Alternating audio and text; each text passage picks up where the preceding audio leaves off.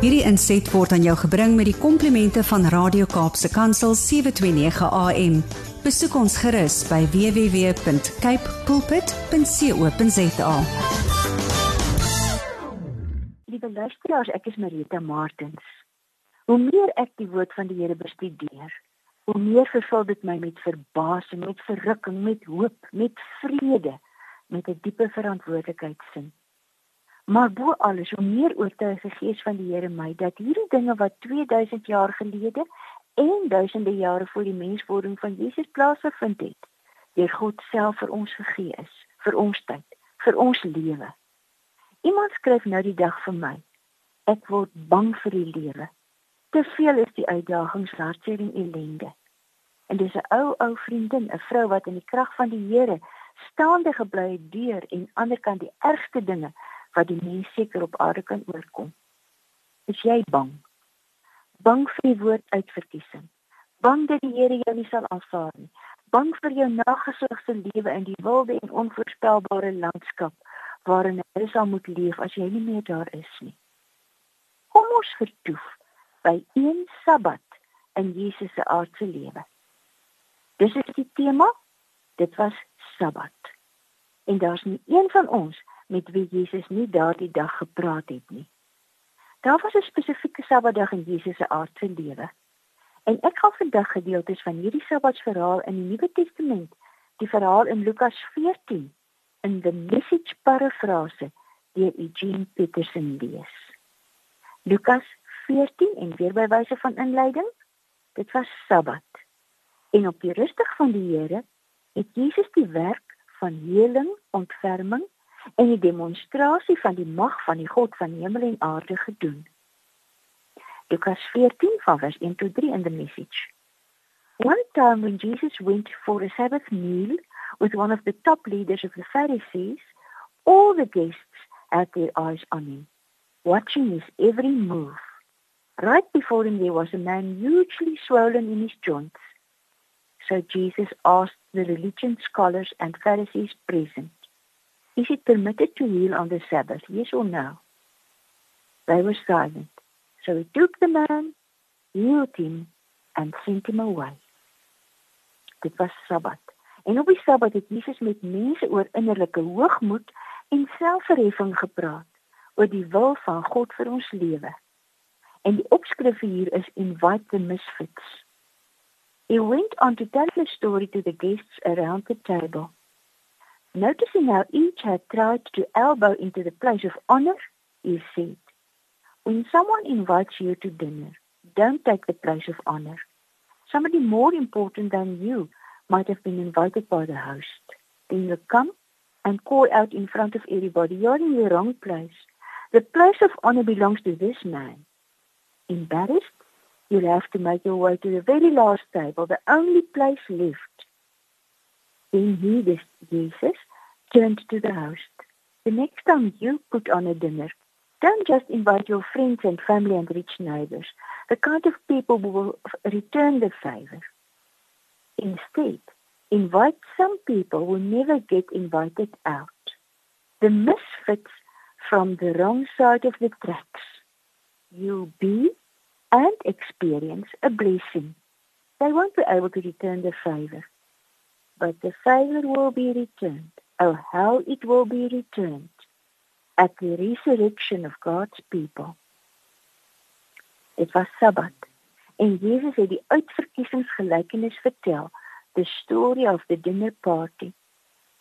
That, dis nou hierdie storie, triggered a response from one of the guests. How fortunate the one who gets to eat dinner in God's kingdom. Jesus followed up, yes. For there was once a man who threw a great dinner party and invited many. When it was time for dinner, he sent out his servant to the invited guests, saying, Come on in, the food's on the table.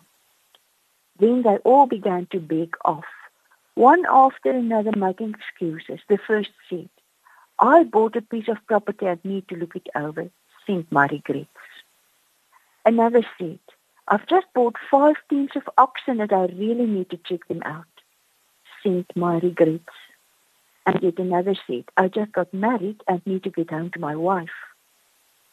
The servant went back and told the master what had happened. What had happened? He was outraged and told the servant, "Nou moet julle mooi luister, want dit is pragtig vertaal of geparafraseer. Quickly get out into the city streets and alleys. Collect all who look like they need a square meal. All the misfits and homeless and down and out you can lay your hands on and bring them here. The servant reported back, Master, I did what you commanded and there's still room. The master said, then go to the country roads. Whoever you find, drag them in. I want my house full. Let me tell you, not one of those originally invited is going to get so much as a bite at my dinner party. Dit was Sabbat. En in die uitverkiesingsgelykenis het Jesus die diepte, wyte, breedte en hoogte van God se liefde by wyse van hierdie gelykenis aan die hele mensdom verkondig. God nooi die misfits. Hy nooi almal wat lyk asof hulle 'n square meal nodig het. Net soos wat hy Paulus laat skryf het in Efesiërs 3 vers 18 tot 19. Mag jy in staat wees om saam met die gelowiges te begryp hoe wyd en ver en hoog en diep die liefde van Christus strek. Mag jy sy liefde ken. Die liefde wat ons verstand te bowe gaan en mag jy heeltemal vervul word in die volheid van God. Ons praat 'n oomblik oor daardie oordentlike eet daai square meal oor die ware voedsel. Het iemand hier 'n good square meal nodig? Een wat die geestelike honger wegneem? Vermoed jy, sien jy dat iemand in jou nageslag geestelik van honger uitteer? Wat moet ons dan doen? En Klaagliedere 2 vers 19 staan: dan dwars deur die nag op en roep. Stort voor die Here jou hart uit soos water. Strek jou hande uit en bid om die lewe van jou kinders, hulle wat van honger beswyk op die hoeke van die strate. En wat moet ons bid? Ons mag die Here maar net aan sy belofte herinner in Amos 8 vers 11. Maar dan kom daar sê die Here my God, dat ek 'n honger oor die aarde gaan laat kom, 'n honger nie na kos nie, 'n dors nie na water nie, maar om die woorde van die Here te hoor. Here, bring daardie honger oor ons nageslag, want niemand kan van plesier en kuierplek drankies, van selftevredenheid en aardse dinge lewe nie. Niemand sal ooit u beelddraer vir die woorde kan wees deur die voedsel van die digitale era en dinge wat mense in winkels koop, nie selfs die van Woolies se bes verpakte produkte nie. Here, laat daardie honger oor ons nageslag kom. Ons bid vir geestelike honger, Here, so verterend dat dit onontwykbaar is en dan Here ontmoet ons nagesig asseblief persoonlik. Amen. Dit was Sabbat. En Jesus wat op die Sabbat praat, het deur Paulus 'n magtige Godswoord vir ons almal laat neerskrywe. Efesiërs 3 vers 20. Aan hom wat deur sy krag in ons werk, magtig is om oneindig meer te doen as wat ons bid en dink. Aan hom kom die eer toe in die kerk deur ons verbondenheid met Jesus Christus deur al die geslagte heen tot in ewigheid. Jy wat bid, God is magtig, almagtig.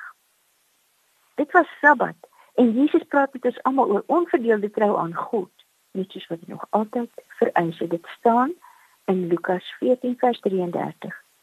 Simply put, if you are not willing to take what is dearest to you the pl plans or people, and kiss it goodbye. You can't be my disciple. Wat sê Jesus wat net die wil van sy Vader verkondig?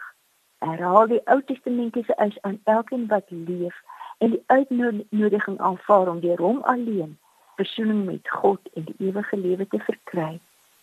Eksodus 34 vers 14. Jy mag nie 'n ander god vereer nie, want ek die Here is onverdeelde trou aan my. Daarom noem hulle my die God wat onverdeelde trou vereis. Hoe het dit gebeur dat jy in onverdeelde trou aan die Here wil lewe? Want dit is soos jy wil lewe. Hoor net hier. Jeremia 32 vers 39. Ek sal vir hulle 'n onverdeelde hart en vaste koers gee. Hulle sal my altyd dien vir hulle eie beswil en vir die van hulle kinders na hulle. Dit was Sabbat En Jesus het met ons almal gepraat oor die tragiese feit dat mense soos verslaane sout kan word omdat hulle nie in onverdeelde trou aan hom leef, sy woord bestudeer, al hulle krag en wysheid van hom afput nie. En gedurig dit met die een oog op die begeerlikhede van die wêreld en die ooreenstemmende voet op die afdraaie van die afdraai paaie van die wêreld voel voel. Dit was Sabbat en Jesus het gesê, "Salt is excellent, but if the salt goes flat, it's useless, good for nothing." Are you listening to this? Really listening? Die gees van die Here het Paulus laat skryf.